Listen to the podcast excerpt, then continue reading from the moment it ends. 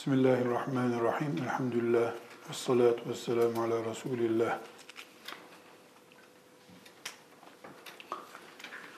Aybaşı halindeki bir Müslüman kadının din açısından sınırlandırılmış uygulamalar olarak karşısında duran hükümlerden söz ettik. Birincisi dedik ki aybaşı ve onun bağlantılı benzeri olarak lohusa halindeki Müslüman kadının cinsel ilişkisi haramdır dedik.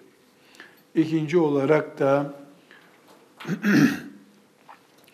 namaz ve oruç konusunda da yasak vardır dedik.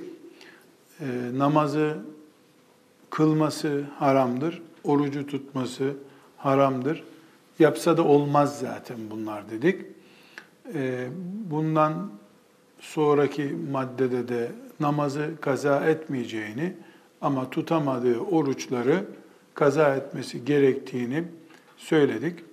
Sonra da bir küçük paragraf açarak e, Allahu Teala'nın bazı dönemlerde mümin kullarını iç sorunlarla imtihan edebildiğini, bunlardan bir tanesinin de önümüze şimdi çıkan Müslüman kadının aybaşı halindeyken oruç tutabileceğini söyleyen e, görüşler var dedik ama bu görüşler Ayşe annemizden itibaren bugüne kadar gelen ulema silsilesine ait görüşler değildir dedik. Sonradan bunlar hep devşirme, yeni icat olmuş şeyler. Ee, Ayşe annemizden rivayet edilen bir hadis-i şerif var. Ee, o hadis-i şerifi Müslim'de e, özellikle kayıt etmeniz açısından Müslim 335. hadisi şerifte Muaze isimli kadın Ayşe annemize gelerek bir soru sormuş. Demiş ki e, Ayşe annemize yahu demiş bu kadınlar yani biz kadınlar olarak diyor e, neden aybaşı halimizde orucu kaza ediyoruz da namazı kaza etmiyoruz? Bu bir çelişki midir gibi bir soru sormuş.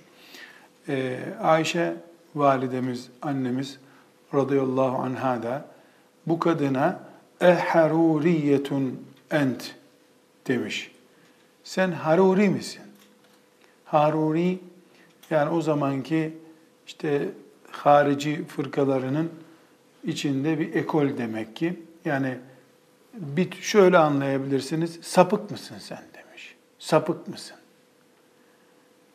Ayşe validemiz radıyallahu anha namaz ve oruçla ilgili yani aybaşı halindeki kadının namazı ve orucu ile ilgili hükmün bir nevi tartışmasını isteyen kadına sapık mısın gibi soru soruyor. Ee, bu böyle bir sorudan sonra hangi alim, fakih kalkar da değişik bir şey sorabilir? Sonra e, kadın da demiş ki e, öyle bir şey yok ama öğrenmek için soruyorum demiş. Ayşe annemiz de buyurmuş ki asas alıntı yapacağımız yer biz de aybaşı olurduk. Bize orucu kaza edin, namazı kaza etmeyin denirdi demiş. Yani Türkçe böyle ifade edeyim ben. Bundan da anlaşılıyor ki e, Ayşe validemiz radıyallahu anh'ın rivayet ettiği bu hadis-i şeriften ki Müslim'de sahih hadis-i şerif ki bundan başka da hadis-i şerifler var. Onları zikretmiştik bir kısmını.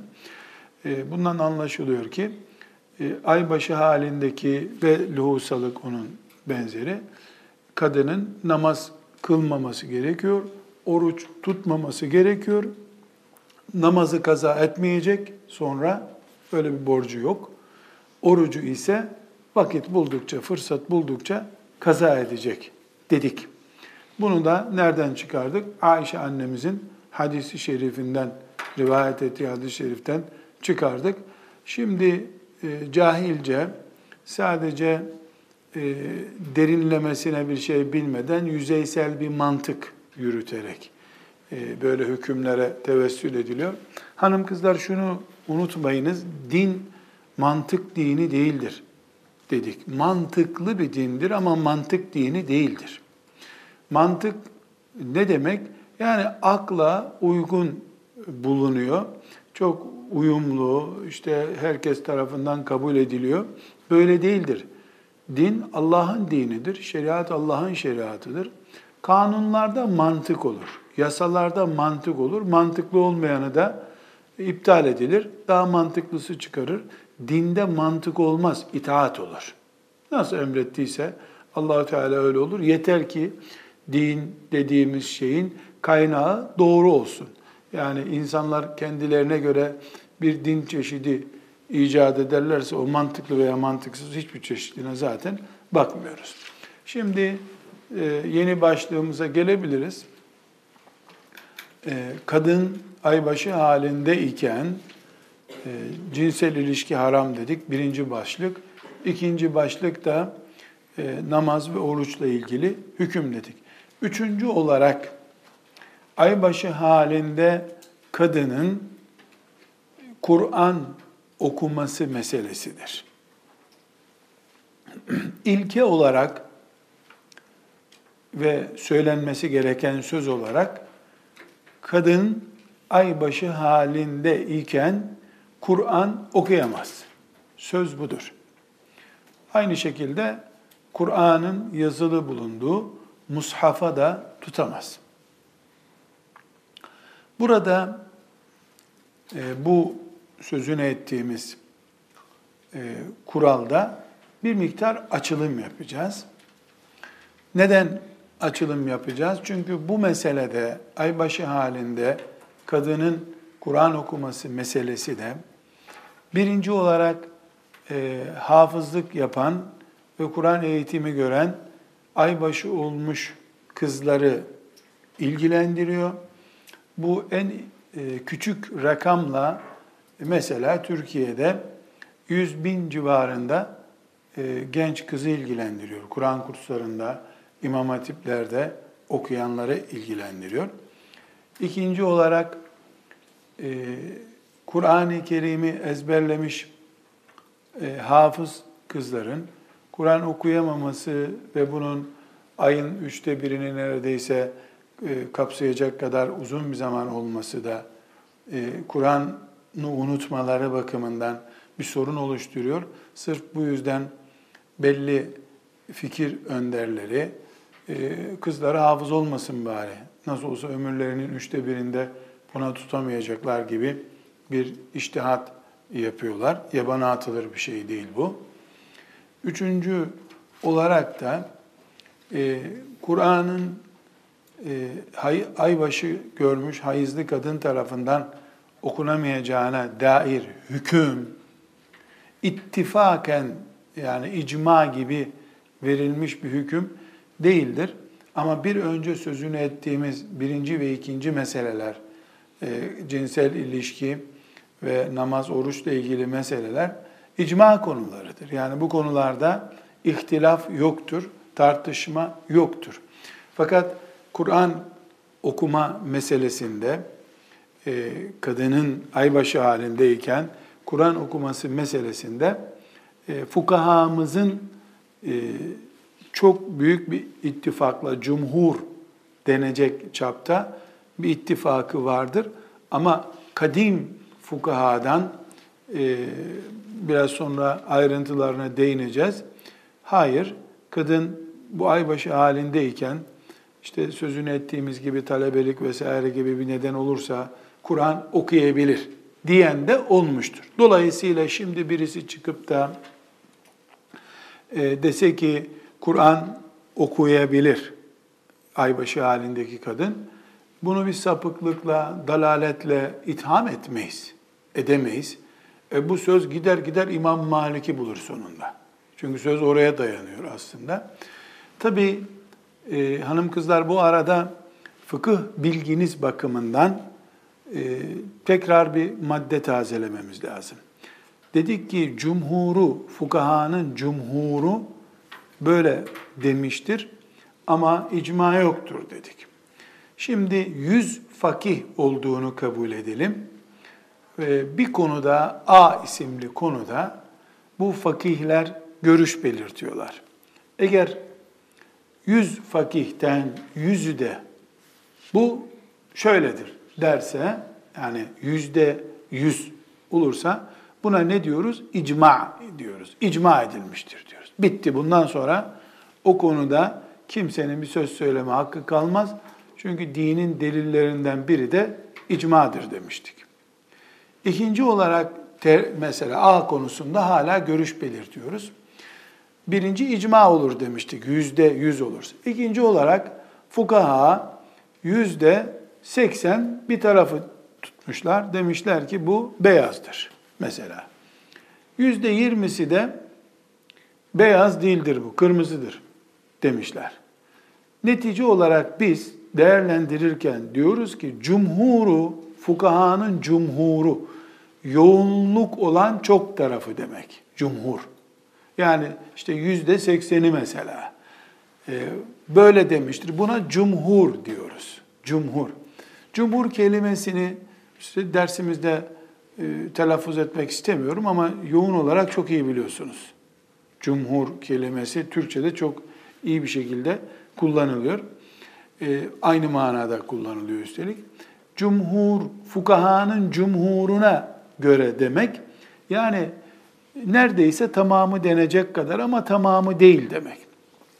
Şimdi e, cumhurun görüş belirttiği bir konuda geri kalan yüzde yirmi mesela ya da yüzde on neyse çok büyük yoğunluk bir tarafa yığılmış, bir tarafta da zayıf bir grupçuk kalmış. Bunların e, hangisi bizim için haktır, hangisi batıldır? Kuru bir mezhep taassubu. Yani bizim parti olsun, bizim grup olsun, ne olursa olsun diyeceksek, binde bir de olsa bizim parti haklı tabii. O ayrı bir konu. Bu taassup. Buna taassup diyoruz. Meseleyi ayet ve hadis açısından ele alacaksak eğer, çünkü biz ayet hadisle iman etmiş bir kimseyiz, o zaman yüzde sekseni fukahanın bir tarafa birleştiğine göre, yüzde yirmisi de öbür tarafta olduğuna göre açık bir ayet, açık bir hadis bulunduğu halde herhalde o yüzde yirmi ben ayet anlamam, hadis anlamam deyip de kenarda biz karşı çıkıyoruz bu ayetlere diyecek halleri yok. Yüzde seksen öyle oldu, hatta yüzde doksan beş öyle oldu, yüzde beş böyle düşündüyse demek ki ortada içtihat gerektiren bir durum var da bu içtihat gerektiren durum açık bir ayet, hadis olmadığı için farklı bir görüşe sevk etmiş bir grubu. Binaenaleyh bir tarafta e, yüzde 85, yüzde 95 bile bir grup var. Yüzde 5 varsa eğer, o yüzde 5 ki yani bu asrın böyle ekollerden etkilenmiş, e, işte parayla diploma almış cahil cühelasını kastetmiyorum. Yani kastım kadim fukahamız, ümmetimizin büyüklerini kastediyorum. Allah onlara rahmet eylesin. Büyük fukahamız, asıl enerji kaynaklarımızı kastediyorum. Onların yüzde beş de olsa, hatta yüzde üç bile olsa bir tarafa meyletmiş olması bir grubun orada bir kaynak sorunu olduğunu gösteriyor. Bu kaynak sorunu iki türlü olur. Birincisi ayet ve hadis yoktur o konuda. Oturup onlar iştihad edip kıyas etmeye çalışmışlardır. Doğal bir şey bu. İkincisi ortada biraz sonra göreceğiz bunu. Hadis vardır ama bu hadis sahih değildir. Da e, hadisle ilgili bilimde okurken görmüştük. Hadisin sahih olması gerekiyor ki hüküm verelim onunla ilgili. Zayıf bir hadisle şu haramdır, şu helaldir diyemezsin. E, dersen eğer karşına çıkarlar hemen bu zayıf hadistir der. Nitekim bu kadının Kur'an okuması ile ilgili Tirmizi'nin hadisinde zayıflık söz konusu olduğu için zayıf hadisle Malikiler amel etmeyiz bu konuda dediler. Ama öbürleri de e, zayıf da olsa hadis var diyorlar. Ya ayet yoktur, hadis yoktur. Bu birinci boyutu. Ya da ikinci boyutu olarak hadis vardır, sahih değildir. Yani zayıf bir hadistir. Veya hadis sarih değildir. Sarih ne demek? Net, anlaşılır demek. Yani hadis bir şey ifade ediyor Ama o ifade ettiği şey haramdır, helaldir hükmü çıkaracak kadar net anlaşılmıyordur. Veya karşısında başka bir rivayet daha var. O rivayette onun tersine benzer bir şey söylüyordur. Netice olarak hanım kızlar, cumhur fukaha demek, fukahanın yoğunluk olarak tercih ettiği görüş demek. Bu umumen, umumen bizim evet madem ulemamızın yoğunluğu bu taraftadır, başımızın gözümüzün üstünde. Helal olsun bu taraftayız dememizi gerektirir. Çünkü neden? Bu ümmetin e, büyük bölümünün ittifak ettiği bir şeyde hayır ve bereket vardır. Ama particilik yapıp, grupçuluk, futbol takımı tutar gibi mezhep tutuyorsa bir insan, hak ve batıldan anlamadan, zayıf, şişman anlamam ben ya ben, var bizim mezhep hak mezhep işte. Bizim köyün mezhebine uygun mezhep diyorsa bunu konuşmuyoruz. Biz burada ilim konuşuyoruz şüphesiz. Ya da ilim konuşmaya çalışıyoruz inşallah. Burada geldiğimiz sonuç e, fukahanın bir cumhur bir de cumhur olmayan görüşü olur. Bunun ötesinde üçüncü bir türde bir konuda A konusunda yine fukahanın 5, 10, 20 görüşü olabilir. Hiçbir sakıncası yok. Bu nasıl olur? Fukahanın Kur'an'da ve hadiste geçmeyen bir konuyla karşılaşması halinde her tarafa müsait olacak görüşler de olabilir. E, iştihat bu zaten. Biz bu sefer ne yaparız? Eğer mesela beş görüş var bir konuda, beş görüş varsa e, biz anlıyorsak hangisi daha iyi olacağını bunun rengine göre değil ama ırkına göre de değil. Neye göre? Bu ayete daha yakın duruyor. Hadise daha yakın duruyor. Anlayacak kapasitedeysek zararı yok. Onlardan bir tanesini çok rahatla alırız. Anlayacak kapasitede değilsek bunu, bizim gibi böyle sıradan işte ilmihalden fıkıh öğrenmek durumunda olan Müslümanlarsak yapacağımız şey o zaman hangi mezhebe tabiysek o mezheple amel ederiz. Doğru olan budur. Burada mezhep gereklidir. Mezhepçilikte bu olmalıdır. Ama bile bile e, takım tutar gibi mezhep tutmayı e, kimse zaten mezheplerimizin imamları daha önceki derslerde konuşmuştuk. Onlar bile böyle bir şeyi tavsiye etmemişlerdir. Netice olarak konumuza gelebiliriz. Kadının aybaşı halinde Kur'an okuması on binlerce genç kızı ilgilendiren bir konu olarak çok önemli olduğu için üzerinde ayrıntılı bir şekilde durmamız gerekiyor. İnşallah siz e, onlarca fıkıh halkası kurup insanlara fıkıh öğrettiğinizde haydi Bismillahirrahmanirrahim derse başladık deyince karşınıza çıkacak üç sorudan bir tanesi budur. Çünkü genç kızlar çok erken yaşta e, aybaşı oluyorlar şimdi. Hemen e, aybaşı olur olmaz ilk karşısına çıkan soru Kur'an-ı Kerim okuyabilecek miyim, okuyamayacak mıyım sorusu oluyor. Bir miktar aklınızda olsun. Bazı insanlar da kendisini ilgilendirmediği halde böyle bir konu e, spor olsun diye de bu konularla ilgilenirler. Spor konularından bir tanesi de budur. Sportif bir faaliyet gibi. Yani kadın mesela menopoz dönemine girmiştir. Onun aybaşı, yılbaşı ile ilgisi yoktur.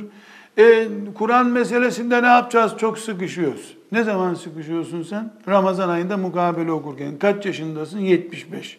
E sen bu yaşta böyle bir ihtimalin var mı? Yok. Spor olsun diye bu konuyla uğraşıyor. Tavsiyem size bir ağabey, hoca tavsiyesi olarak Allah kabul etsin, kabul etsin deyip uzak durun o meseleden. Çünkü öğrenmek için sormuyor.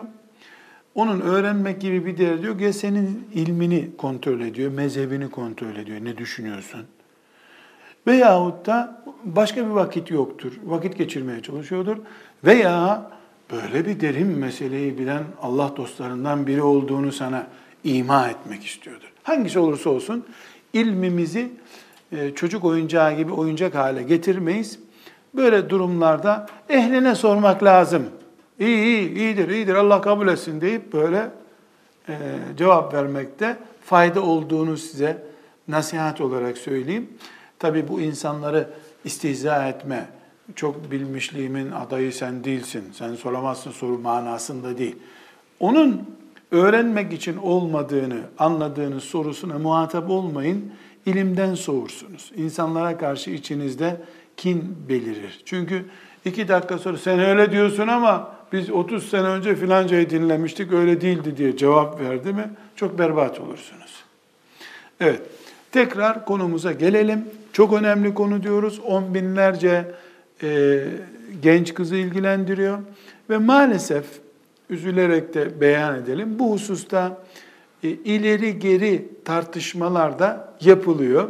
Yani birisinin e, böyle bir görüş belirtmesini e, bizden olmayan Yahudi ajanı, bir de sakalı var. Yahudi ajanı bu diye itham edebiliyor insanlar. En başta da neden fukahanın icma etmesi, cumhur olarak bir görüş belirtmesi, farklı iştihatlar yapması gibi konulara da bunun için temas ettim. Yani birisinin çıkıp sırf zıtlık olsun. Türkiye'de Müslümanlar aybaşı halinde kadın Kur'an okuyamaz diye inanıyorlar. Meşhur olmak için, zıtlık için okurla, kim demiş okuyamaz diyorsa terbiyesizlik bu. Dinle oynamak, din üzerinden şöhret elde etmektir. Allah affetsin, ıslah etsin deriz. Öbür taraftan da vay sen ne kadar büyük zina işlemiş gibi günah işledin, nasıl Kur'an okudun deyip de koca İmam Malik'i de yok saymayı da e, terbiyesizlik, bunu da terbiyesizlik kabul ederiz. Ama şu doğrudur. Güzelim ben Resulullah sallallahu aleyhi ve sellemin zayıf da olsa hadis-i şerifi var. Ben alim değilim. Alimlerim benim bana böyle öğrettiler. Ben böyle yaparım. Sen öyle yapıyorsan sen de Allah'a gideceksin. Ben de Allah'a gideceğim. Sen de yaptıklarının karşılığını göreceksin. Ben de yaptıklarımın karşılığını göreceğim. Sen e, aybaşı halinde Kur'an okunur diyorsan oku lan Allah kabul etsin. Ben de okuyamıyorum. Onun yerine temizlendikten sonra Kur'an okuyacağım. Böylece iki ecir kazanacağım diyorsan ne ala uygun olan budur. Din üzerinden hırsımızı tatmin etmemiz batıldır, dine zarardır, canavarlıktır. A ve B şıkkıyla kastederek bunu söylüyorum. Din üzerinden insanlar dinlerini, e, zevklerini tatmin etmemelidirler, keyif sürmemelidirler. Bu dine hakarettir, dini sömürmektir. Hadis-i şerifi inşallah duymuşsunuzdur. Duymamışsanız da e, şimdi duymanızda fayda var. E, çok muhakkak tavsiye ettiğim bir e, hadis-i şerif ezberleyin. Mâdi bâni câi'âni diye başlayan bir hadis-i şerif var. E, bu hadis-i şerifte Efendimiz sallallahu aleyhi ve sellem dininden geçinmeye çalışan bir insanı sürüye salınmış iki aç kurttan daha zararlı görüyor. Yani bir koyun sürüsüne iki tane kurdun daldığını düşün. Çobanları da yok. Ne kadar zarar veriyorlarsa onlar dininden şöhret kazanmak isteyen, dinden geçinmek isteyen de dinine bu şekilde zarar verir maazallah. Tabi o anlatırken bunu en büyük cihat olarak anlatır. O, o yapmasa bunu din gidiyordu elden zaten zanneder insan. Hakikat öyle değil tabi. İnsan dini üzerinden hırsını tatmin etmemeli. Şimdi konumuza geldik. Evvela Kur'an okumak ne demektir? Mesela şu mushaftır, buna bakmak Kur'an okumak değildir. Yani açtım mushafı, açtım. Ayeti veya sureyi neyi okuyorsam böyle gözle takip edip dudağı da kıpırdatıp okumak da okumak değildir. Dilden ses gelecek şekilde küçük cılız sesli olsa dili hareket ettirerek yapılan şey okumaktır. Sesli veya sessiz önemli. Ses ayrı bir konu.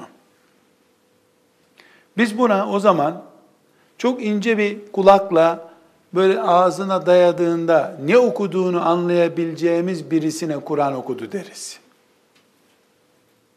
Burada konuşacağımız o okumak caiz midir, değil midir dediğimizde budur. Yani göz gezdirmek, mesela Yasin suresini ezber bildiğini kabul edin bir kadının, almış e, Musaf'ı e, böyle takip ediyor, sayfayı çeviriyor, vadriblehum meselene geçiyor, ve menzelneye geçiyor, böyle gözüyle takip ediyor. Bu okumak değil, gözle iz sürmektir bu. Okumada dil hareket edecek. Ve bunu mini bir ses getirmiş olacak. Evet, Küçük çok küçük bir ses olursa, az bir ses olursa duyamayabiliriz ama mesela kulağını dayayınca valdrib lehum dediği anlaşılıyorsa Kur'an okuyordur o. Bunun dışındaki okuyuş zaten namazda da kıraat değildir. Namazda da kıraat olması için dilin hareket etmesi lazım. Yani oturup birisi Fatiha suresini böyle aklından geçirerek film izler gibi okumuş olsa namaz kılmış olmaz. Kıraat yerini bulmuş olmaz. Kıraat fiili dille e, okumanın adıdır. Namaz için ve bu hükümler için geçerli. Burada e, kadının aybaşı halinde Kur'an okuması konusunda okumak budur dedikten sonra e, hüküm olarak hanım kızlar Hanefi mezhebinde, Şafii mezhebinde ve Hanbeli mezhebinde e, kadının aybaşı halindeyken Kur'an okuması caiz değildir. E, Maliki mezhebinde, Zahiriye mezhebinde, Said İbni Müseyyeb'in mezhebinde, e, İbni Münzir'in mezhebinde ve İbni Teymiye'nin mezhebinde ise, yani onların görüşüne göre, mezhep, bunların hepsinin mezhebi yok, onların görüşüne göre ise kadının aybaşı halinde Kur'an okuması caizdir. Şimdi burada bir bölüm yaptık. Dedik ki bir kere üç büyük mezhep ve bizim de ittiba ettiğimiz Hanefi mezhebi caiz görmüyor bunu. Ama bir mezhep hak olduğuna kani olduğumuz bir mezhep ve Zahiriye mezhebi o da bir mezhep. İbn Müseyyep gibi bir alim, müştehit bir alim, tabi'in ulemasından konuşurken ondan sık sık söz etmiştik. İbn Münzir e, icma kitabı olan İbn Münzir ve İbn Teymiye ise bunun doğru bir görüş yani okumanın caiz bir görüş olduğuna kanaat getirmektedirler. Burada küçük bir dipnot bir kenara yazın. Ee, bu hususta tenkit edenler, yani okunmaz, nasıl okur kız bunu kadın diyenler, bu görüşü tenkit edecekleri zaman İbn Teymiye'nin görüşüdür bu diyorlar. Yani sanki İbn Teymiye böyle bütün günahın, kötü işlerin üzerine yüklendiği bir adam gibi olunuyor. E şimdi bu verdiğimiz isimlere dikkat ederseniz İmam Malik'ten itibaren e, İbn Teymiye'ye gelinceye kadar her biri ümmetin büyüklerinden olan insanların iştihatları var.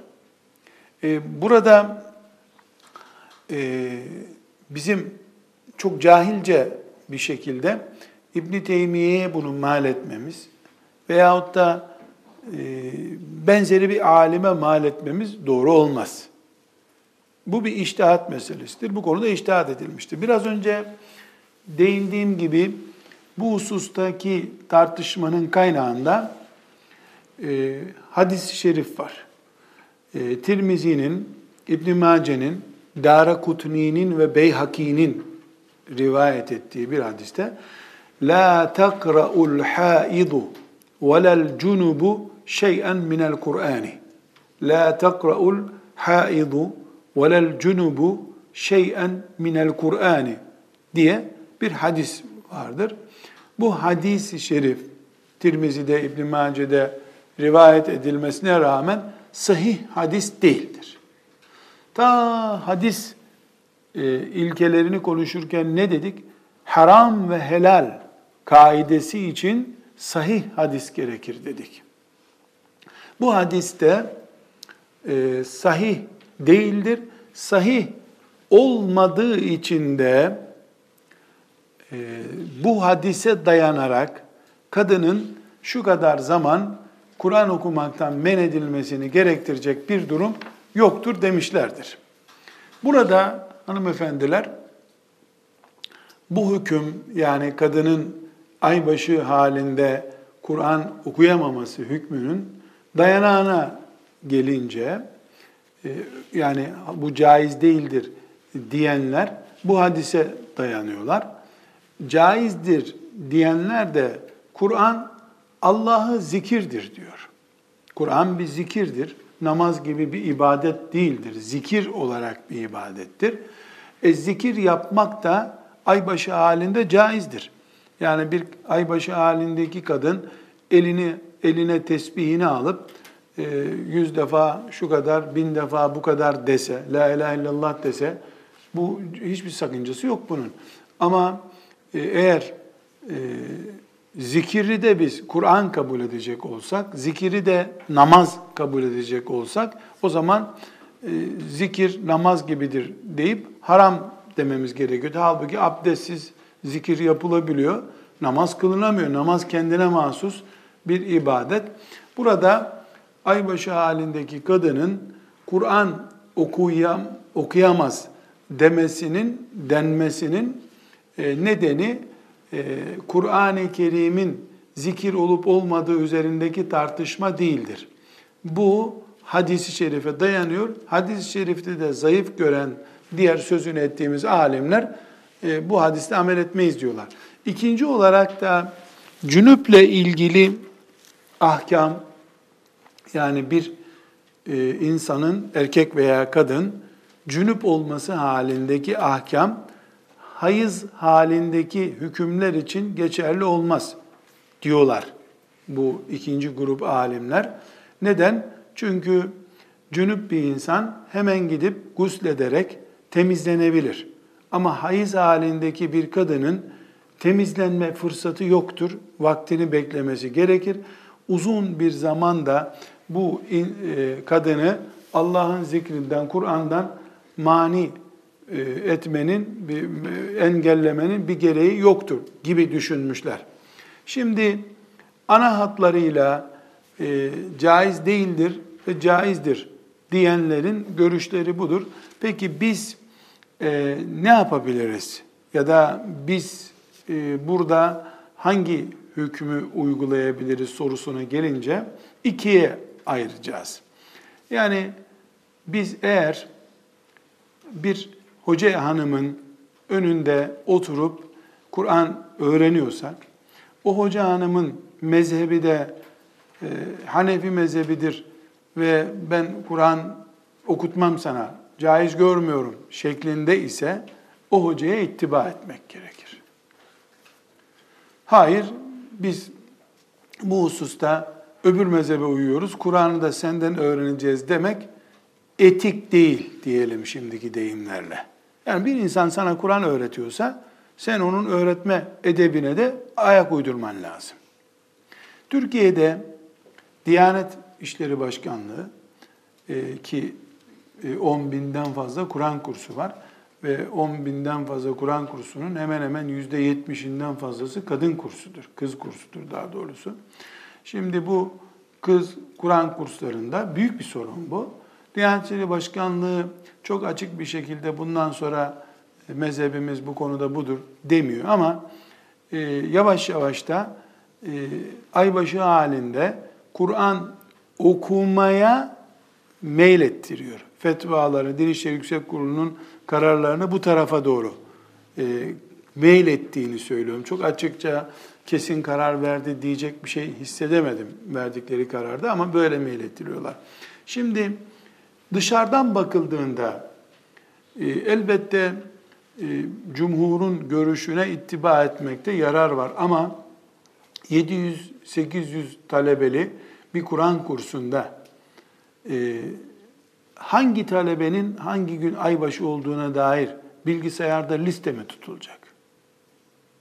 Doktor raporu mu istenecek? Ya hafızlık yaptırmamak lazım talebeye ya da hafızlıkta ne zaman zor bir derse geldiyse talebe, e, hocam yasal hak, hem sen Hanefi düşmanı mı mısın, bak işte biz aybaşı olduk deyip ders okumayacak.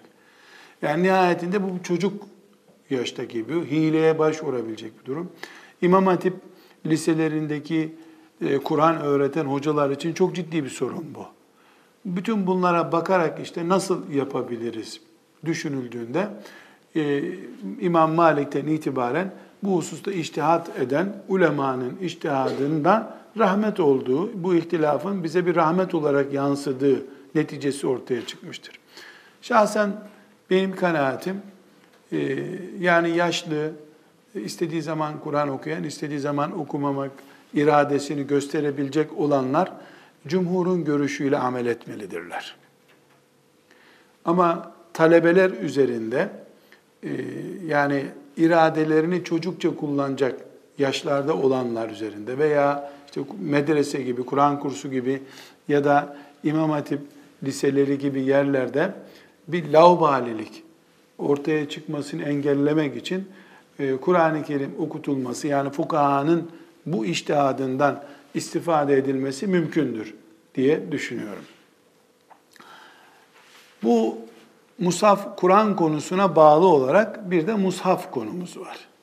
Mushaf Kur'an-ı Kerim'in ayetlerinin, surelerinin yazılı olduğu kitap demektir. Musaf o demektir. Yani Kur'an Allah'ın indirdiği ayetler, sureler demek. Musaf onun yazılı olduğu, o ayetlerin yazılı olduğu kitap demektir. Biz genelde Kur'an, Musaf hep aynı kullanıyoruz ama bir sakıncası yok bunun. Şu kağıt üzerinde eğer Allah'ın kitabından, Kur'an'dan bir ayet yazılıysa bu tek başına yani sadece ayetin yazılı olduğu, kağıt olduğu zaman buna abdestsiz ve cünüp haldeyken, aybaşı halindeyken tutmak caiz değildir. Fukahanın e, ittifaken görüşü budur. Kur'an-ı Kerim özellikle bütün Fatiha'dan Nas'a kadar e, olan e, ayetlerin, surelerin bulunduğu Kur'an-ı Kerim'e, Musaf'a e, aybaşı halindeki kadının tutması caiz midir? Değildir. Okumak bir zaruret ama tutmak zaruret değil. Dolayısıyla okumaktaki zarureti buraya e, taşımıyoruz. Sadece e, bu şekilde musafa tutmada yine Maliki mezhebi e, talebeye istisna getirmişlerdir. Talebeye istisna şöyle getirmişler. Yani biraz önce konuştuğumuz gibi yani talebe işte hafızlık yapıyor ya da ders çalışıyor. E, abdest alacak, alamayacak, gusletmesi lazım, edemeyecek. Talebe istisna getirmişlerdir. Burada e, mushafı e, okumayı bir hüküm olarak ayırdık Kur'an'dan okumayı ama diğer e, meselemize gelince yani musafa elle tutma meselesine gelince e, biz bunu bir çözüm olarak şu şekilde kullanabiliriz. Musafa ek bir kılıf yapılır. Yani cildinden olmayan kadınlar için hem de çok güzel bir şey olur, eğlence gibi bir şey olur. Dantelli, mantelli bir kılıf yapılır. Bu kılıfla musafa tutmak mümkündür. Deyim yerindeyse yani takke gibi bir şeyle, mendil gibi bir şeyle, bir örtüyle musafa tutmak mümkündür. E, kalemle veya bir başka bir şeyle de sayfaları açılınca e, musaf okumakta sorun görmüyorsak e, musafa tutmayı bir engelle sağlayabiliriz. Bunda fıkhen bir sakınca yoktur. E, diğer içinde ayet bulunan e, kitaplara gelince, içinde ayet bulunan en ilk akla gelecek kitap şüphesiz tefsir kitaplarıdır. Tefsir ne demek? Kur'an-ı Kerim ayetlerinin açıklandığı kitap demek. Bu bir tefsir mesela 500 sayfalık bir cildinde iri hacimli veya orta hacimli bir tefsirse ortalama e, üçte biri en fazla Kur'an ayetidir. Yarıdan azı Kur'an ayeti, yarıdan çoğudur. E, abdestsiz veya özürlü haldeyken e, tefsir kitabına tutmak, musafa tutmak gibi değildir. Bunda bir kerahat vardır. Fukahamız bunu da kerih görmüşlerdir. Direkt bir engelsiz, mendilsiz. Çünkü büyük oranda ayet var içerisinde. Ee, bu benzeri hadis ve fıkıh kitaplarıdır. Hadis ve fıkıh e, kitaplarında da aynı şey geçerli. Çünkü içlerinde büyük oranda ayetler var, hadisler var. E, bunda da kerahetle caizdir demişizdir. E, burada ayrım yaptığımız noktaya dikkat edelim. Mushaf başka şey, sadece ayet var içinde. Şu kağıtta sadece ayet yazılı olması başka şey. İçinde 24 satır yazı var, bir satırında ayet var, o başka bir şey. Birinde tutmak caiz değildir diyoruz, öbüründe kerahet görüyoruz. Keraheti neden görüyoruz? E, en azından içeride bir ayet var, o ayete tazim gerekir diye düşünüyoruz. Bir başka mesele de Kur'an meali Kur'an gibi midir meselesi. Kur'an meali Kur'an-ı Kerim'in kendi dilinden başka bir dile tercüme edilmesi demek. Bildiğimiz e, Türkçe'ye, İngilizce'ye, başka bir dile tercüme edilmesi demektir. Kur'an meali Kur'an değildir. Dolayısıyla Kur'an mealinin e, herhangi bir şekilde abdestli veya abdestsiz tutulması diye bir sıkıntı yoktur. Fakat burada bir ayrıntıya girmemiz lazım. Elbette yarısı mesela mealin yarısı Kur'an'ın kendisi, yarısı da mealse zaten içinde Kur'an var onun. O Kur'an yüzde yüz onun için ona onu okumak tutmak e, caiz olması bakımından hükmünü konuştuk. Ama eğer Kur'an-ı Kerim'in ayetleri içinde yok, sadece meali varsa bu şüphesiz Kur'an değildir. Abdesti veya abdestsiz tutulabilir, okunabilir bir sıkıntı yok. Ama bir Müslüman içinde Allah lafzı geçen bir yazıya hangi dilde olursa olsun saygı göstermesi gerekir mi? Eh bu iman meselesi tabii. Bu iman meselesi. Mesela en basit ve en herkesin bileceği canlı örnek takvim yaprakları var. Takvim yapraklarında genelde ayet hadis yoktur Arapça yazılı olarak. Ama bir işte Bakara suresinden filan ayet, Taha suresinden filan ayetin meali vardır. Bu bir Müslümanın eliyle o ayetin mealinin yazılı olduğu takvim yaprağına tutmasını engellemiyor. Bunda bir haramlık yok. Ama onu çöpe atmayı engeller. Bu tazim dışıdır çünkü. Biz üzerinde Allah'ın Esma-i Hüsna'sından birisinin yazılı olduğu, ayet mealinin yazılı olduğu bir şeyi herhangi bir e, özellikte ne olursa olsun çöpe atamayız, basamayız, ambalaj kağıdı olarak kullanamayız. Fakat kasten yapılmadığı sürece bir ihanet olsun, saygısızlık olsun diye yapılmadığı sürece de bunu yapan dinden çıktı da demeyiz herhalde. Ne yaparız? Tazim kurallarına aykırıdır deriz. Bunu tazime uygun bulmuyoruz deriz. Buna siz edep kuralları da diyebilirsiniz. Tekrar özetleyecek olursak hanımefendiler, e, aybaşı halindeki kadının Kur'an okuması meselesini konuştuk. Ve neticede dedik ki yaşlı hanımefendiler kendi iradeleriyle e, istedikleri zaman Kur'an okuyan, rağbeti olanlar e, cumhurun görüşüyle amel etmelidirler. Aksi takdirde gereksiz bir kayma yapmış olurlar. Hafızlık yapanlar, İmam Hatip Lisesi'nde e, okuyup orada ilimle meşgul olanlar ve benzeri genç yaşta yani örneğimde iyi anlaşılır olduğunu zannettiğim örneğimde anlamışsınızdır herhalde. Yani talebe, 100 e, tane talebe bir sınıfta Kur'an okuyorlar. Kime sözlü imtihan sırası geldiyse, e, hocam bugün uygun değil, e, okuyamayız demek zorunda, kurtulamayacak başka türlü. Nasıl olsa git noterden belge getir, sağlık raporu getir diyecek hali yok hocanın. Özellikle e, bu husustaki hoca hanımlarla da e, erkek hocalarla da görüşüyorum. Çok bunalıyorlar bu hususta. Yani bir, bir bela bu diyorlar. Ne zaman sözlü yapacaksın belli değil. 365 e, gün hep herkesin acil yani toplu bir ders ortamı oluşturulamıyor.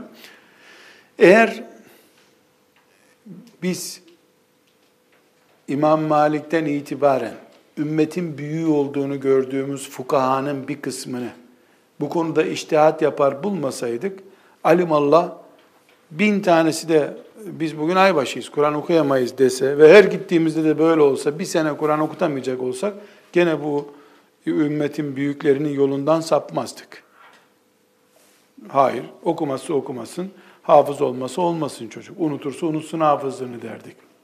Ama bu ümmetin ihtilafında rahmet vardır.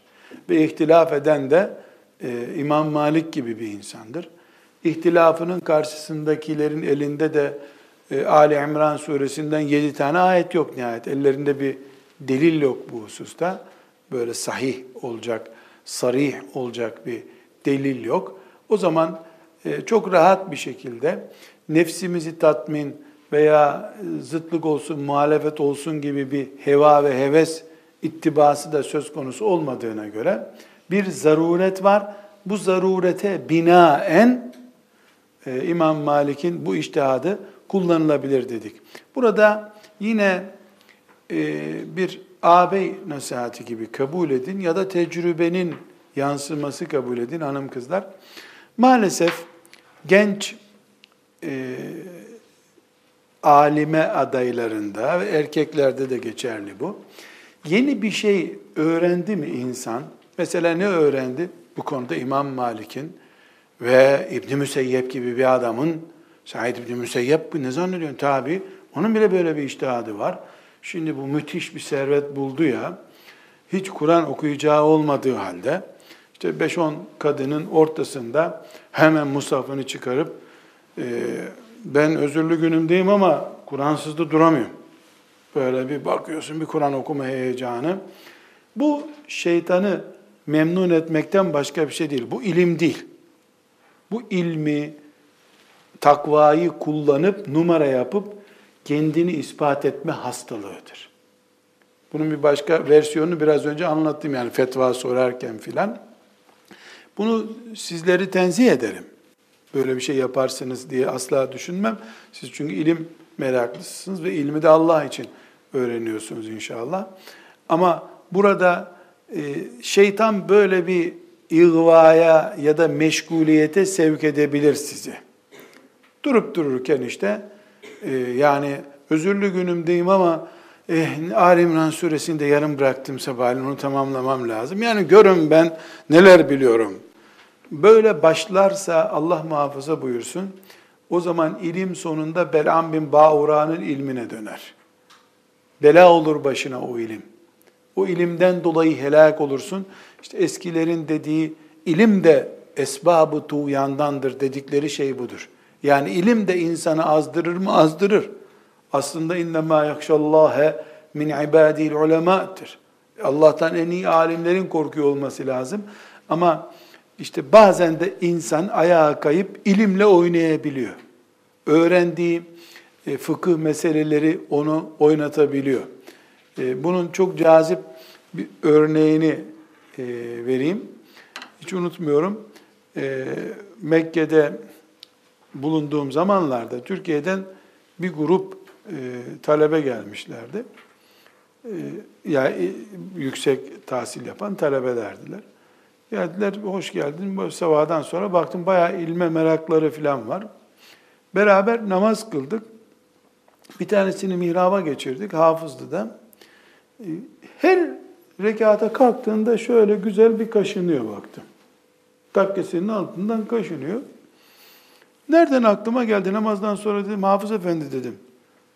Bitli misin dedim. Uyuz muyuz musun sen dedim. Namazda çok kaşınıyordun dedim. Benden yaşı da küçük olduğu halde dedi ki bu sorunun e, yanlış olduğunu anlatmak için kaşındım dedi. Allah Allah nasıl oluyor? Ne biliyordum ben böyle soru soracağımı dedim. Ya dedi bazıları diyor ya dedi namazda elini kaldırdın mı namazda bozulmaz. Aslında üç defadan fazla kaldırırsan elini namaz bozulmaz. Dedim sen bize ders vermek için mi mihraba geçtin namaz kıldırdın yoksa namaz kıldırmak için? Sen namazdan başka oynayacak bir yer bulamadın mı? Namazdan sonra bize bir seminer verebilirdin. Namazda kaşınmak namazı bozar mı diye. Dedim sen burada dur, bu namazı biz bir daha kılalım, sen kaşın dur burada biraz dedim. Sonra geçtik namazı bir daha kılacağız. Yapma öyle dedi benim namazımda o niyet yoktu filan. Neyse e, bir sürü izahatta bulundum. Ben de gençtim, o da gençti. Kavga etmedik o kadar ama. Şimdi bakıyor bunu niye örnek veriyorum? Yani bu ağzından kaçırdı. İşte arkamdakiler görsün ben fıkhın inceliklerini biliyor. Böyle köylü gibi kılmıyorum namazı. Kaç kere kaldırırsan, kaç derece açıyla kaldırırsan elini namaz bozulur. Böyle ayrıntılar bilenlerdeniz biz. Dedirtiyor şeytan. Bu da ilmin hastalığı işte. Nasıl genç kızın işte akrabaları geldiğinde filan eteğimi giyeyim, baksınlar dikkat etsinler eteğime demesi oluyor. İlim de bir etek gibi, elbise gibi ziynet eşyası gibidir. İlim de öyledir. Kimi bunu Allah için kullanır, kimi de akrabasına, arkadaşına gösterir. Böyle bir e, cahillikten sizi tenzih ederim. Yani sakın böyle bir şeyi size itham ettiğimi, ya herhangi bir Müslümana itham ettiğimi anlamayasınız. Ama e, başınıza gelecek musibetlerdendir. Hele devşirme ilim öğrenenler, yani bir şeyhin, bir alimin dizinin dibinde elif cüzünden itibaren nesebi olan, soyu olan, ta e, Ebu Hureyre'lere dayananın bir silsileyle gelmiş bir ilmi öğrenmeyen, şuradaki buradaki fakültede, okulda, İmam Hatip'te, medresede yüzeysel 5-10 satır okumuşların hastalığıdır bu. Maşallah neler biliyor ya. Sakın böyle bir şey yapmaya kalkmayın. Bu ümmetin e, içinde tartıştığı meselelerden biridir. Siz kendi e, ihtiyar ettiğiniz tarafla amelinizi yapın. Sorulduğunda ciddi buluyorsanız soruyu, kanaatinizi söyleyin. Böyle belgeleri var bu işin deyin. Üstüne gitmeyin. Çünkü bu sizi nefsani bir tartışmaya götürür. İç tatmin için, zevk için Kur'an ayetleri, hadisi şerifleri münakaşa konusu yaparsınız. Bir mümin e, haklı çıkmak için Kur'an'dan belge alması kadar ayıp bir şey veya Kur'an'a saygısızca bir iş yapmış olmaz herhalde. Yani bir mümin niye Kur'an ayetleri okur? Ee, nasıl yapacağını öğrenmek için bu yapmış yapacağını bunun belgesi içinde Kur'an'ı kullanıyor. Bu bir seviyesizliktir. Asla böyle bir şeye sakın bulaşmayın. Allah elinizdeki bereketi alır. Kalbinizdeki ilim zevkini alır. Bu sefer işte çok bilen, hani Yahudilerin e, Tevrat okumalarını neye benzetmişti allah Teala? E, eşeklerin kitap taşımasına benziyor. Eşek kitap taşıyor. Akşama kadar kütüphaneden başka bir kütüphaneye kitap taşıyor. O hale gelmemek lazım. Biz ilmi Allah'ın şeriatını öğrenmek, rızasını kazanmak için e, elde etmek isteriz. Bunun ötesinde birbirimize kıyafetimizi gösterip yeni aldığımız bir gözlük bak ne kadar güzel der gibi yeni öğrendiğimiz bir meseleyi gündeme getirmeyiz. Ee, elbette yapacaksınız diye demedim ama yapma ihtimali hepimiz için geçerli. Bundan uzak durun. Velhamdülillahi Rabbil Alemin.